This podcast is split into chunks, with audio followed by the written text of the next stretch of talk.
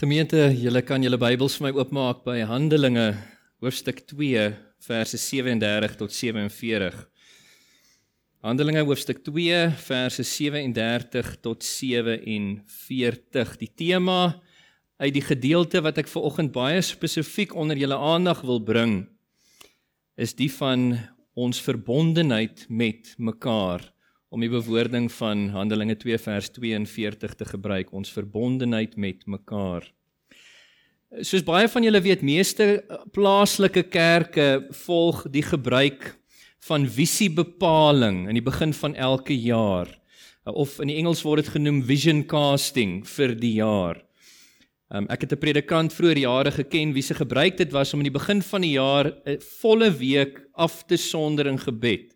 Eenkant te gaan en eh, die Here te vra in gebed vir 'n visie vir die gemeente vir die jaar.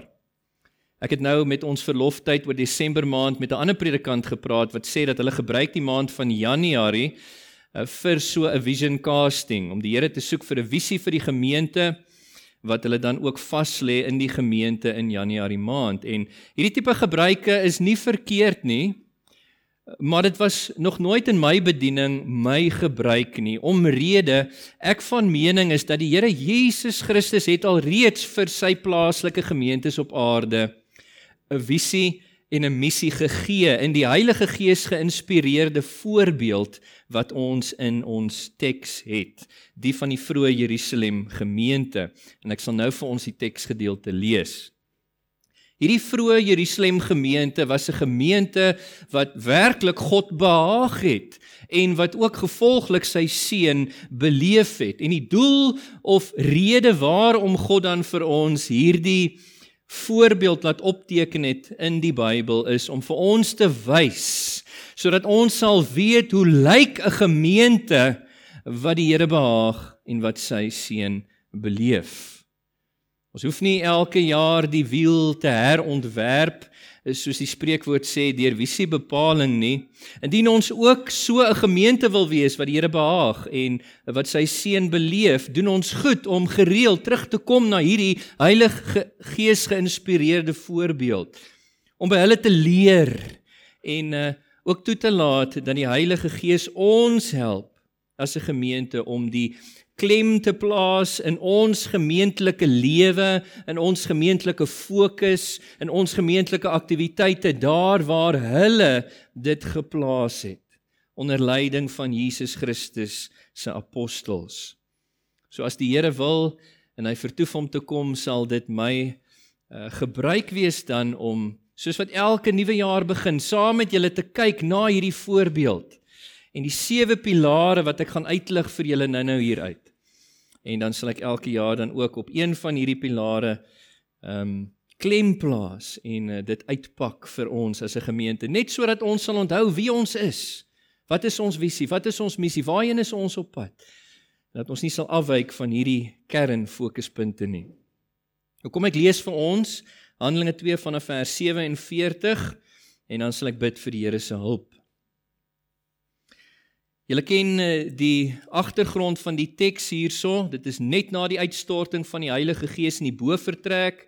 Petrus deur die Heilige Gees gelei sien 'n geleentheid en hy spring op voor hierdie honderde duisende Jode en hy preek die evangelie en net maar 3000 van die teenwoordig reageer. Kyk, hy sluit sy boodskap af hier in vers 36, laat die hele huis van Israel dan verseker weet dat God hom, die Here Jesus van Nasaret, Here en Christus gemaak het. Hierdie Jesus wat hulle gekruisig het. En toe hulle dit hoor, is hulle diep in die hart getref. En hulle het vir Petrus en die ander apostels gevra, "Wat moet ons doen, broers?" Petrus antwoord hulle, "Bekeer julle." En laat elkeen van julle in die naam van Jesus Christus tot vergifnis van julle sondes gedoop word en julle sal die Heilige Gees as gawe ontvang. Want die belofte is bedoel vir julle en ook vir julle kinders en vir almal wat daar ver is, almal wat die Here ons God na hom toe roep. Met nog baie ander woorde, het Petrus getuig die evangelie aan hulle bekend gemaak en hulle aangespoor laat julle uit hierdie korrupte geslag red. En diegene wat hoe Petrus se evangelie boodskap aangeneem het, is op daai dag op grond van hulle geloof gedoop. En op daardie dag is ongeveer 3000 deur die doop toegevoeg tot die lidmaatskap van die Jerusalem gemeente. Kyk, hulle het begin as 120, hier was hulle nou 3120 deur die werking van God. En hierdie vroeë gemeente het bly volhard in die leer van die apostels, die leer van die waarheid van God wat die apostels aan hulle voorgehou het. Hulle het bly volhard in die verbondenheid met mekaar. Hulle het bly volhard in die breek van brood soos ons dit nou net beoefen het. Hulle het bly volhard in die gebede. Hulle was 'n 'n biddende kerk by uitstek. Almal is met ontsag vervul en baie wonders en tekens het nie deur almal nie maar deur die apostels plaasgevind. Al die gelowiges was bymekaar en hulle het alles gemeenskaplik besit. Hulle het hulle eiendom en besittings verkoop en aan almal uitgedeel volgens elkeen se behoefte. Hulle het eensgesind volhard om die tempelterrein daagliks te besoek, aan huis die brood te breek en hulle maaltye met uitbundige blydskap en met opregte harte te geniet. Wat 'n besonderse getuienis, né? Hulle het God bly prys en die hele volk was hulle goedgesind sien hulle het guns gehad in die oë van die Here maar ook voor mense en die Here het daagliks verlosstes by hulle getal gevoeg. Net tot sover uit die woord van die Here. Gemeente kom ons sluit ons oë. Hemelse Vader, ons eer U vir U woord en hierdie kosbare Heilige Gees geïnspireerde voorbeeld wat U vir ons met 'n doel laat opteken het. Soos ons ver oggend daarna kyk weer eens wil ek vra Here dat U vir ons sal help om nuwe insig te hê in hierdie gedeelte en 'n diepe begrip daarin te hê deur die werking van U Gees. Veral hierdie tema wat ons daar uit gaan haal, die verbondenheid met mekaar en dat U ons sal leer asseblief Here dat die Gees ook dit in ons midde sal bewerk soos wat dit reeds tans bestaan ons dank U Here Eh, dat daar 'n groot mate van verbondenheid met mekaar is in Antipas Gereformeerde Baptiste Gemeente, maar o Here, ons wil groei en ons wil uitblink in hierdie verband. Help ons, leer ons. Ons sit nou ver oggend aan Jesus se voete. Here, ons wil graag by U hoor deur U woord en gees. Spreek, U diensknegte luister. Dit vra ons in Jesus se naam. Amen. Nou gemeente volgens hierdie voorbeeld in die teks wat ek sopas vir julle voorgeles het, is dit dan ook ons gemeentelike visie om 'n Bybels gesonde kerk te wees. Nie waar nie, 'n 'n gemeente wat God behaag en wat sy seën beleef, net soos die vroeë Jerusalem gemeente. En hoe beoog ons as 'n gemeente om daai doel te bereik? Wel, geliefdes, in hierdie voorbeeld wat ek nou voorgeles het, Ek weet nie of julle opgetel het nie, maar daar is sewe fokuspunte of liewer sewe beklemtonings hier in die teks wat dien as die sewe pilare van 'n gemeente wat God behaag en sy seën beleef. Ek wil hierdie sewe pilare aan julle uitwys. Dit is volharding in die leer van God se woord soos die disipels, ag die apostels dit eens aan die vroeë gemeente voorgehou het daai leer wat die grondslag is vir alle disippelskap. Volharding in die leer van God se woord soos Handelinge 2 vers 42 dit stel. 'n Tweede pilaar is die gemeenskap van die gelowiges, ook Handelinge 2 vers 42 of om die bewoording van die teks te gebruik, verbondenheid met mekaar. Dan 'n derde 'n pilaar is die instelling. Soos julle sou gesien het, al twee die instellings wat Jesus beveel het, was beoefen getrou deur die gemeente. Nadat die 3000 reageer het positief op die evangelie, is hulle gedoop en so toegevoeg tot die gemeente. Ook gemeente ehm um, die breking van brood, die nagmaal soos ons dit nou beoef, uh, beoefen het self. Handelinge 2 vers 42. Dan 'n vierde pilaar is die gebede. Handelinge 2 vers 42. Hulle het ook volhard in die gebede en eh, soos ons Handelinge lees vanaf hoofstuk 1 en aan sien ons hulle was by uitstek 'n binnende gemeente soos wat ons ook graag wil wees. Dan 'n vyfde pilaar is offergawes. Verse 44 en 45 sê vir ons dat hulle was bereid vir groot opofferings om eh, die werk van die bediening in hulle midde te doen sodat dit gebeur. 'n Sesde pilaar is aanbidding. Eh, nie eh, die laaste nie. Kyk, dit alles het hulle gedoen as dit as as aanbidding vir die Here, maar vers 47 van hoofstuk 2 hier sê spesifiek, hulle het God bly prys. Hulle het daagliks op die tempelterrein bymekaar gekom waarvoor? Vir aanbidding, vir gebed. En dan 'n sewende pilaar is evangelisasie. Natuurlik dieselfde evangelie wat hulle aanvanklik van Petrus en die apostels gehoor het, die evangelie waardeur hulle gered is, het hulle ook weer in beerd gaan verkondig daar waar die Here hulle geplaas het in Jerusalem en so sê vers 47 se einde vir ons dat die Here daagliks die verlosters by hulle getal gevoeg wat ook deur hulle evangelie verkondiging gered geraak het die leer van God se woord, die gemeenskap van gelowiges, die instellings, die Christelike doop en nagmaal, die gebede, offergawes, aanbidding en evangelisasie. En dis nie dat hulle so oulik was dat hulle hierdie goedjies in hulle midde beginne bewerkstellig het nie. Net voor dit wat het gebeur, die Heilige Gees is uitgestort. En toe die Heilige Gees uitgestort was op Pinksterdag deur God die Vader, God die Seun, was hierdie volharding waarvan ons lees in hierdie sewe pilare die spontane. Dit was die God bewerkte reaksie onder Jesus se vroeë disippels. En hulle het hulle verantwoordelikheid ook besef. En soos wat hulle hulle verantwoordelikheid opgeneem het om te volhard in hierdie dinge, natuurlik met die oë op die liefde van en vir Jesus was hulle 'n gemeente wat God behaag het en sy seun beleef het. En dit is dan gevolglik ook ons gemeentelike begeerte, ons missie om ook te volhard in die leer van God se woord, in die gemeenskap van gelowiges, in die instellings, die Christelike doop en nagmaal, in die gebede, in die offergawes, in die aanbidding, in die uh, verkondiging van die evangelie. Dit alles terwyl ons uitsien na die wederkoms van ons Here Jesus Christus.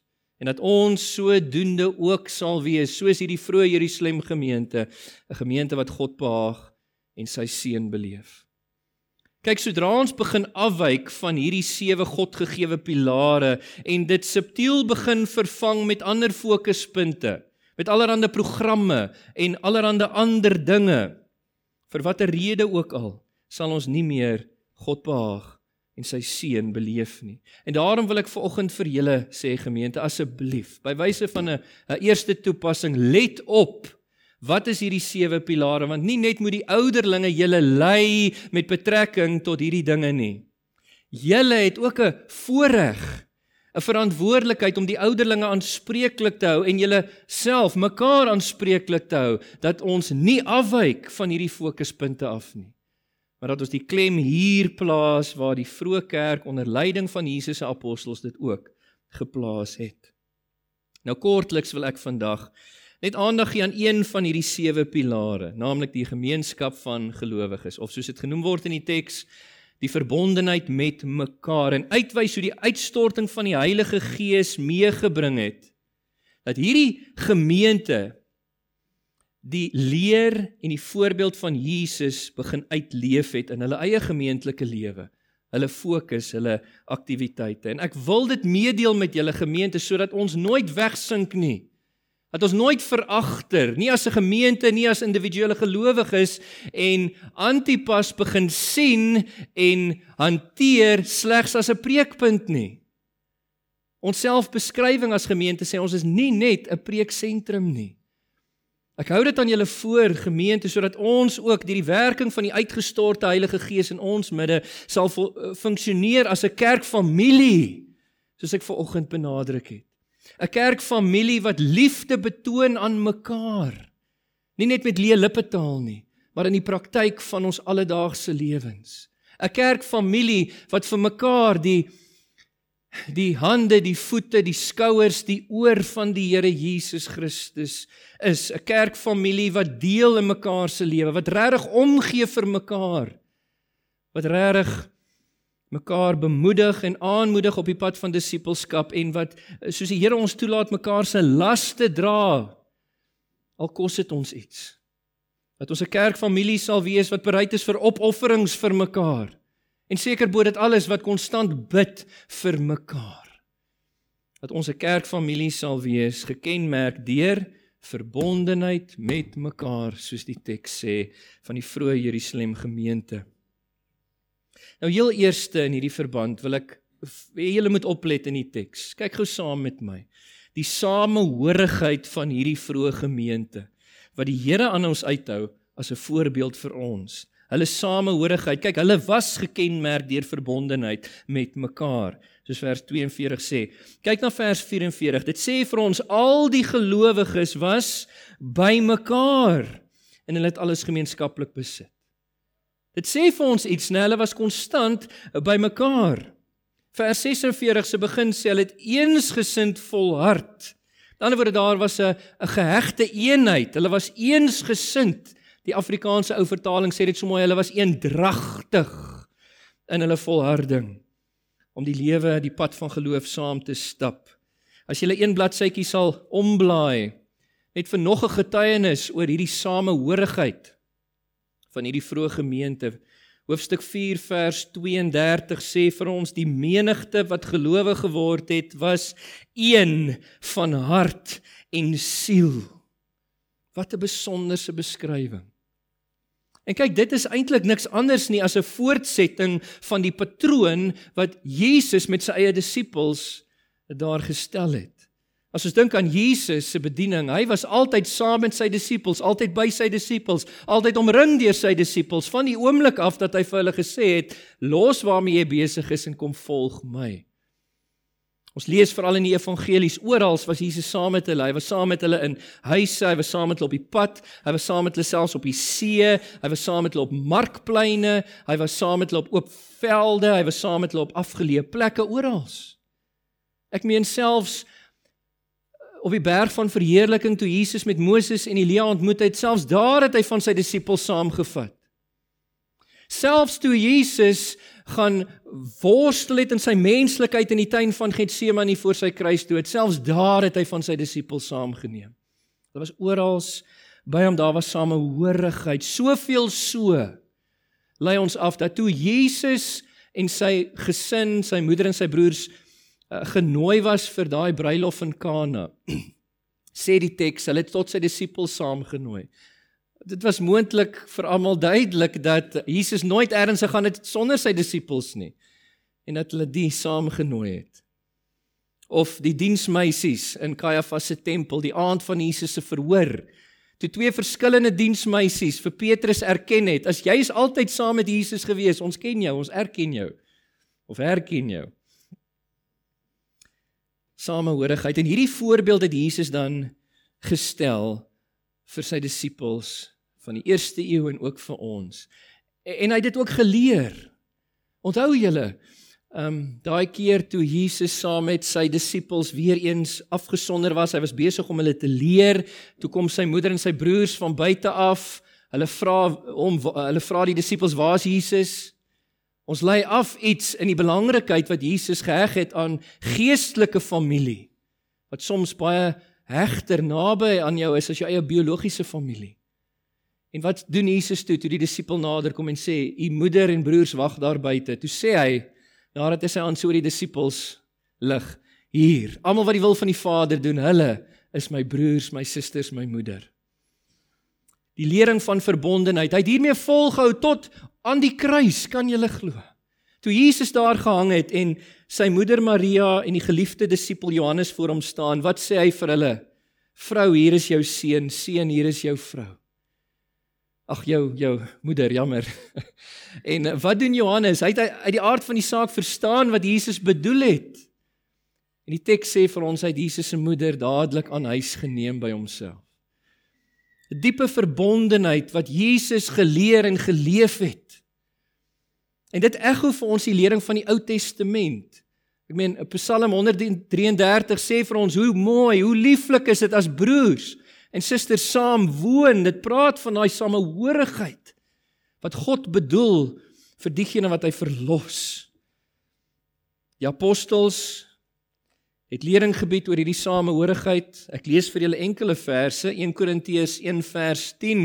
Paulus pleit by die gemeente en sê vir hulle in die naam van die Here Jesus dat julle almal eensstemmig moet wees, dat daar nie verdeeldheid onder julle moet wees nie, dat julle volkome eensgesind sal wees met dieselfde denkwyse, dieselfde oortuiging. Kosbaar. In Efesiërs 4 vers 3 moedig hy die gelowiges in Efese aan om ernstig te stry vir die bewaring van daai eenheid wat die Gees in hulle midde teweeggebring het. In Filippense 1:27 sê hy vir die gelowiges in Filippi weer: Tree op waardig van Christus, naamlik dat julle in alle omstandighede uh sal vas staan in een gees, een van hart en siel saam sal stry vir die geloof in die evangelie. En dit wat Jesus geleer en geleef het word vir ons pragtig uitgebeeld hier in die voorbeeld in Handelinge 2. Die feit dat hulle volgens vers 44 altyd bymekaar was, volgens vers 46 altyd eensgesind eh, volhard het, volgens hoofstuk 4 vers 32 een van hart en siel was. En as ek toepassing vir ons kan maak gemeente. Ek is so dankbaar teenoor die Here dat hierdie samehorigheid in ons midde is. Ek beleef hoe die en dis bonatuurlik, dit is deur die Gees bewerk in ons midde. Maar daar is sommige van ons wat 'n kop skuif gaan moet maak. Dat jou gemeente is nie net 'n preeksentrum waarna die lidmate toe kom op 'n Sondag om 'n goeie woordgefundeerde boodskap te ontvang nie. Ons is kerk familie en jy is gered en afgesonder uit die wêreld uit om te behoort en verbonde te wees aan hierdie familie soos die teks sê. 'n Goeie plek om te begin dalk is moenie ons eredienste wat weekliks plaasvind hanteer soos 'n preekpunt nie. Kom met die bedoeling om ook na die tyd te deel in ons samesyn. Dis deel van ons aanbidding. Die die kerk wil graag daardeur 'n geleentheid gee vir samesyn, die gemeenskap van gelowiges dat ons mekaar beter kan leer ken. Al is dit ook net 'n kort tydjie na die erediens. Terwyl ons same koffietjie of 'n teetjie geniet, dat daai verbondenheid onder mekaar versterk kan word. Leer mekaar ken. Ons diakonale koördineerder, ou liewe Arno, ons almal ken hom sy vrou Lenet, ons sekretaresse, hulle doen moeite om vir ons 'n gemeentelike fotoblad uit te stuur en 'n kontaklys. Hoe die Here dit wil, het dit nou toevallig die week weer gebeur. Kyk na daai fotoblad, daai kontaklys. Gewis jouself wie die ander lidmate, die bevoorregte uitgeroepenes is wie deel van hierdie binnekring is van disippels. Leer hulle gesigte ken. Ryk uit na hulle toe of dit nou by ons samesyn na eredienste is, ons is dankbaar vir die tegnologie, ons kan hulle bel, bel mekaar. Wees gereeld uh, op die foon met mekaar. Vra uit na mekaar se omstandighede sodat julle ingelig vir mekaar kan bid. Maar nie net dit nie, nooi mekaar. Uh, sien julle hier in hoofstuk 2 vers 46 dat dit sê daagliks was hulle in mekaar se huise besig met disippelskap. Hulle het brood gebreek, hulle het saam geëet en dit met blydskap. Hoe wonderlik sal dit wees as dit ook waar kan wees van ons. Ek weet baie doen dit, maar nooi mekaar in julle huise in. Hê 'n oop hart en hand en huis vir die disippels van Jesus en gaan besoek hulle.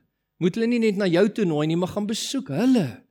Veral die, soos ons nou vanoggend gehoor het, wat uitdagings beleef dat ons hulle gaan besoek. Ek dink altyd aan Jesus se woorde vir sover jy dit aan een van die geringste van hierdie disippels gedoen het, het jy dit aan my gedoen. En hy sê in daai teks: Ek was siek en julle het my kom besoek. Besoek mekaar en dan wil ek iets anders vra van julle. Ek wil julle uitdaag om hierdie jaar julle verhoudings met mekaar op 'n dieper vlak te definieer. Dat wanneer ons saam is, dat ons nie net sal sê hallo, hoe gaan dit? Nee, dit gaan goed, dankie. Amen. Baie. Nie net dit nie. Dat ons die vrymoedigheid sal neem om weerloos te wees vir mekaar. Kyk, ons kan altyd voor die Here weerloos wees. Maar ons kan dit ook vir mekaar wees want ons is dan familie. Ons is boeties en sissies. Wys iets van jou hart. Sê vir 'n broer of suster ek worstel, ek sukkel. Bid saam met my. Hou my aanspreeklik. Hoe wonderlik dat ons ons verhoudings op daai vlak kan definieer en die Here deur die Gees sal dit eer. Kyk, daar's 'n paar goed wat ons gaan moet oorkom as ons so in verbondenheid met mekaar wil leef. Nommer 1 is daai ingesteldheid van privaatheid. Nou ek praat uit ondervinding, ek self is 'n privaat mens, maar dit raak sondig as jy jou privaatheid begin gebruik of jou ingesteldheid van privaat wees begin gebruik as 'n verskoning om nie hierdie samehorigheid wat daar moet wees in die gemeente in te deel nie. Um en die Here kan mense ook daarmee help, né?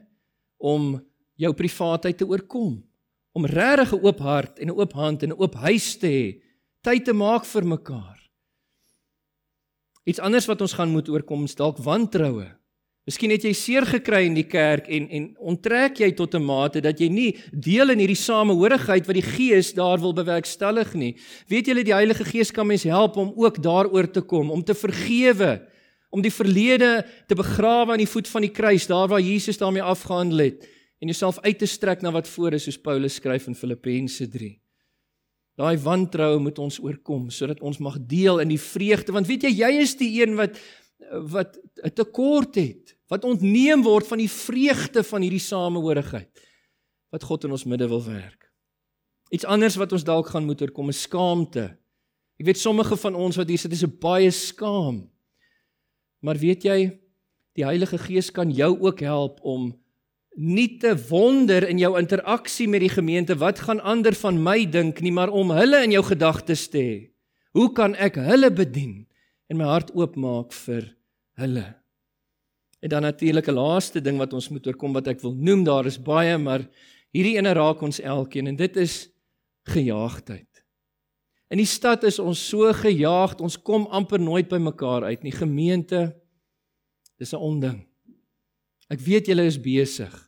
Maar vra die Here vir wysheid om julle skedules so te beplan dat julle tyd maak vir mekaar. Al is dit ook net om op 'n Sondag langer by die kerk te bly sodat jy met ons tyd van samesyn na die tyd regtig kan interaksie hê met jou boeties en sissies in die geloof.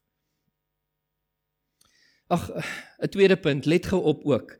Nie nie die samehorigheid hier nie, maar die gemeente se sorg vir mekaar. Hierdie verbondenheid met mekaar het hulle regtig uitgeleef, hierdie samehorigheid in hulle sorg vir mekaar.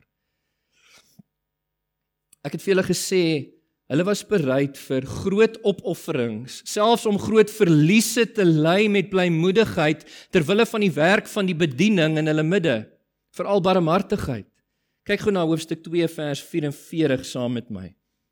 Dit sê al die gelowiges was by mekaar. Hulle het alles gemeenskaplik besit. Interessant. Hulle het hulle eiendom en besittings verkoop en aan almal uitgedeel volgens elkeen se behoefte.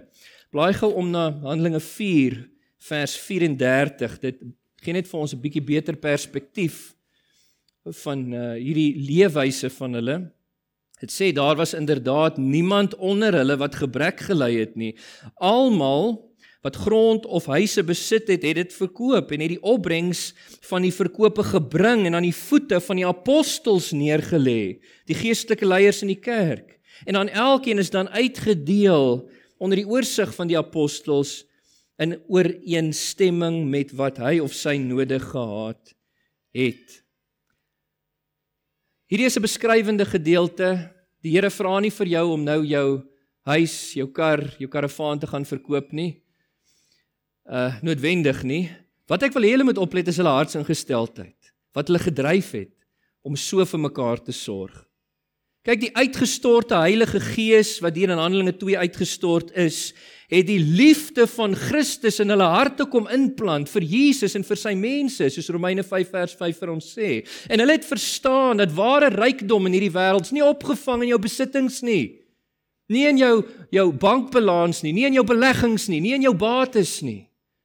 Ware rykdom is opgevang in 'n verhouding met Jesus en met sy mense. Daar is rykdom. Hulle het dit verstaan. En buitendien gemeente, hulle was geleer deur Jesus en die apostels dat hulle vreemdelinge en bywoners in hierdie wêreld is, né? Hulle het geen blywende besitting in die hier en nou gehad nie. Sonder enigiets het hulle in die wêreld ingekom en sonder enigiets gaan hulle daar uitgaan. 1 Timoteus 6 vers 7. Hulle was hemelburgers, Filippense 3 vers 20, wat uitgesien het na hulle ewige erfenis. Terwyl hulle in hier en nou was, het hulle skatte vir daar bymekaar gemaak. Daai erfenis wat 1 Petrus 1 vers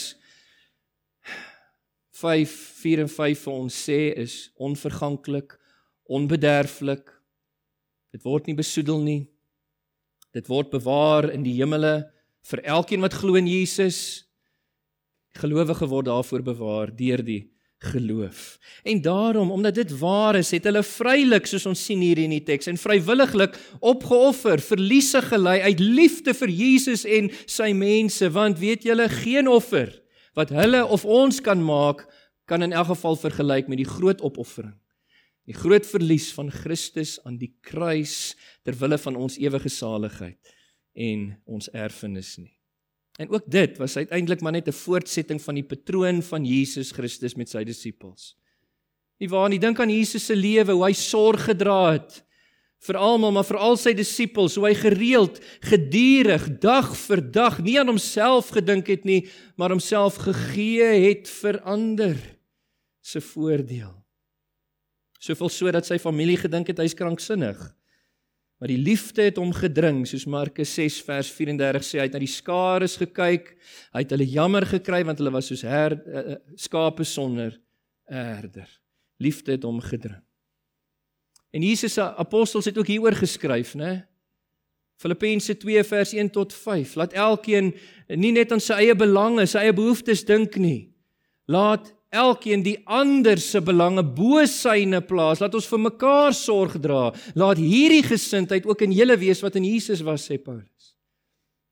Johannes gaan verder. 1 Johannes 3 vers 16 tot 18. Hy sê hierin het ons die liefde leer ken. Christus het sy lewe vir ons gegee En ons behoort ook ons lewens vir die broeders, die susters af te lê en dan sê hy as enige iemand die dinge van die wêreld het en hy sien sy boetie of sussie gebrek ly en hy help hom nie, hy sorg nie vir hom nie, hoe is die liefde van God in hom of haar? Dit het Jesus geleer, dit het sy apostels gekommunikeer en as ek weer toepassing mag maak hier vir ons. Geliefde, wanneer die Here vir jou wys onder jou aandag bring dat daar behoefte is by 'n boetie en sussie in jou kerkfamilie. Is dit nie net dat jy die ouderlinge en die diakens sal inlig en dan jou hande in onskuld was nie. Die Here wys jou want hy wil graag hê jy moet betrokke raak op een of ander manier. Al is dit ook net om te bemoedig en te bid. Om te bedien ook om betrokke te raak met mekaar, maar dit is ook belangrik dat julle die ouderlinge, die diakens van die gemeente in kennis stel ter wille van geestelike praktiese versorging. En iets anders wat ek wil waag noem hierso is ons offergawes. Dit is nie my gebruik om dit gereeld te noem nie. Ek het dit nog nooit gepreek van hierdie kansel af vandat ek hier begin het nie. Maar ek wil vir oggend dit as 'n toepassing gebruik. Daar is baie behoeftes in ons gemeente tans. Die ouderlinge is besorg. Ons wil onsself ontferm oor elke geval. En ons vertrou die Here vir sy voorsienigheid deur die gemeente om in elkeen van daai behoeftes te voorsien op 'n gepaste wyse dat niemand in gebrek gelei ondergaan nie. Ons doen wat ons kan met dit wat die Here voorsien en ek wil julle oproep. Want kyk, dit is ook nie 'n onbybelse ding nie. Let op hier in Handelinge 4 vers 34 en 35 dat die gemeente het die opbrengs gebring en aan die voete van die apostels neergelê en die wat die oorsig gehad het oor die gemeente het gebid en daai fondse wys aangewend volgens die behoefte wat daar was om seker te maak dat niemand oorgesien is nie. Moenie uitsak met betrekking tot die gee van julle offergawes in die gemeente. Want dit is 'n manier hoe ons as 'n gemeente die werk van die bediening in ons midde doen veral barmhartigheid. En dan let ook 'n derde ding op hierso, samesyn. Samesyn van hierdie gemeente. Hulle het die verbondenheid met mekaar nie net uitgeleef in sorg vir mekaar prakties nie, maar ook in samesyn. Vers 46 sê vir ons hierso in Handelinge 2. Hulle het eensgesind volhard om die tempelterrein daagliks, let op daagliks. Die ou vertaling sê dag vir dag te besoek, die implikasie ook dag uh, na dag in hulle huise bymekaar te kom om brood te breek, hulle maaltye saam te eet, samesyn te geniet en dit ter wille van publieke aanbidding Hulle het nie 'n gebou van hulle eie gehad nie, so hulle het by die tempel bymekaar gekom vir publieke aanbidding, maar in huise ook vir persoonlike disippelskap wat gebeur het. Met ander woorde, ons lei af hier, hulle het saam geleef. Hulle het werklik soos 'n familie gefunksioneer, soos boeties en sissies wat mekaar met die liefde van Jesus liefgehad het. Wat nie kon wag om by mekaar uit te kom, by mekaar te wees, in mekaar se huise en saam te aanbid waar die gemeente, die ware tempel in Jesus Christus bymekaar gekom het nie. En dit ook was maar net 'n voortsetting van Jesus se patroon met sy disippels. Ek gaan nie uitbrei daarop nie. Ek wil net sê dat die apostels het ook hieroor geskryf. Daai bekende teks wat ons ken wat in die Kofetyd baie herhaal was, Hebreërs 10 vers 25, laat ons die onderlinge byeenkomste nie verontagsaam nie. Dit word gesê aan 'n gemeente wat besig was om weg te val van Christus af, omdat hulle hierdie genade middel van samesyn begin verontagsaam het. Mag dit nooit van ons gesê kan word nie. Die familie hoort by mekaar. Daar moet samesyn plaasvind ter wille van publieke aanbidding, persoonlike disippelskap. En hier wil ek ook 'n laaste toepassing maak. Laat ons dan hierdie jaar toegewyd wees gemeente in die samesyn by ons gemeentelike eredienste dat ons dit nie mis nie uh, vir vir vir sommer enige rede nie en ook ek wil julle uitdaag maak moeite om toegewyd te wees ook aan ons gemeentelike aktiwiteite die onderlinge byeenkomste wat in die week ook plaasvind gebedstye voor eredienste bring julle kinders sonnaarskool toe seniors bediening manne bediening vroue bediening jeug jong volwassenes selgroepe raak betrokke ter wille van aanbidding en disippelskap. Gemeente, ek sluit af met hierdie woorde.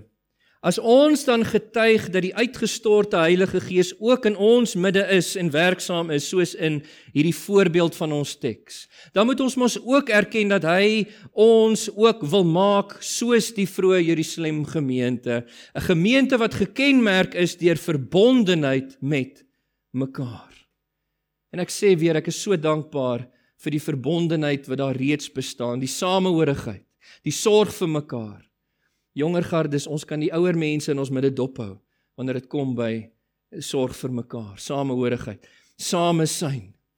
Ons kan leer by hulle. Ek is dankbaar vir dit wat die Gees reeds bewerk, wat julle reeds uitleef maar ek wil julle oproep om uit te blink in hierdie jaar volgens die leer en die voorbeeld van Jesus en sy disippels, volgens die voorbeeld van hierdie vroeë Jerusalem gemeente. En hierdie oproep rig ek veral aan julle wat weet vanoggend, deur die oortuiging van die Heilige Gees, jy kan meer betrokke wees in die gemeente. Jy kan meer verbonde wees tot hierdie kerk, familie waarvan jy lidmaat is. Wat gaan jy hierdie week? Wat gaan jy hierdie jaar doen? om gestalte te gee aan die Here se wil vir jou en jou gesin ook in hierdie verband. Amen.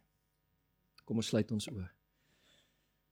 Hemelse Vader, Here, vandag was meer 'n tema preek anders as wat ons noodwendig gewoond is, maar Here, ek dank U dat U ons uitgedaag het met die voorbeeld van die vroeë Jerusalem gemeente. Geen gemeente is dieselfde nie. En ons weet ons kan in ons eie krag hierdie dinge nie doen nie. Maar dankie dat U wat die Gees uitgestort het ook hierdie dinge in ons midde bewerk. Dat U die een is wat die ons saamvoeg in 'n hegte eenheid. En help ons om niks te doen, Here, deur luiheid of nalatigheid om die samehorigheid, die sorg, die samesyn wat U wil bewerk in ons midde teen te staan op enige manier nie. Help ons om ons verantwoordelikheid op te neem in hierdie dinge, Here en werklik te funksioneer as familie in Christus Jesus. As 'n gemeente wat gekenmerk word deur hulle verbondenheid aan mekaar want Here Jesus u het gesê dit is hoe die wêreld julle sal weet dat julle my disippels is deur julle dop te hou en te sien hoe julle mekaar liefhet. Daai verbondenheid. Here help ons hierdie jaar om te groei hierin. Ter wille van u eer en ter wille van ons welstand. Dit vra ons in Jesus se naam. Amen